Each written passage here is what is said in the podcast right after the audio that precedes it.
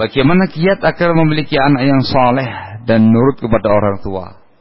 E, kiatnya itu adalah kembali pada orang tua sendiri. Yang paling utama itu kembali kepada pasangan masing-masing. Dalam pandangan Islam untuk menghasilkan anak yang soleh, bibit orang tuanya juga harus soleh. Kamu sebagai muslimah harus memperbaiki diri terlebih dahulu. Jadilah perempuan yang solihah, yang bertakwa kepada Allah, yang baik akhlak ila akhirih. Kemudian cari pasangan hidup yang juga soleh. Cari bibit yang juga soleh.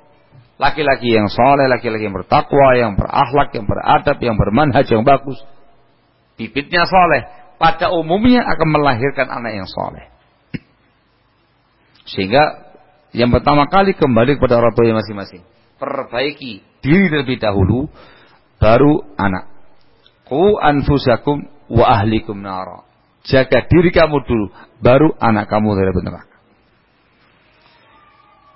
Ini yang pertama. Yang kedua, eh, ditaruh di lingkungan yang baik. Itu anak ditaruh di lingkungan yang baik. Maka sebagai pasangan suami istri harus bisa memiliki lingkungan yang bagus untuk anak-anaknya.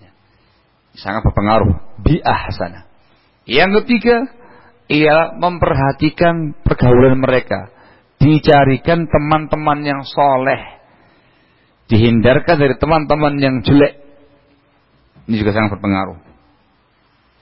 Kemudian yang keempat adalah e, mentarbiyah mereka dengan tarbiyah Islamiyah dengan tarbiyah Islamiyah, bukan dengan tarbiyah dunia, bukan dengan tarbiyah materi, tapi dengan tarbiyah agama, dengan tarbiyah Islam yang bagus.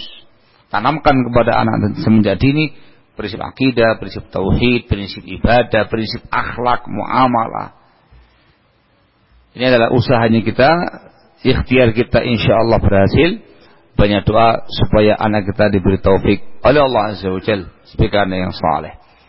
Ketika Allah menghendaki lain, di luar batas kemampuan manusia. La yukallifullahu nafsan illa wus'aha.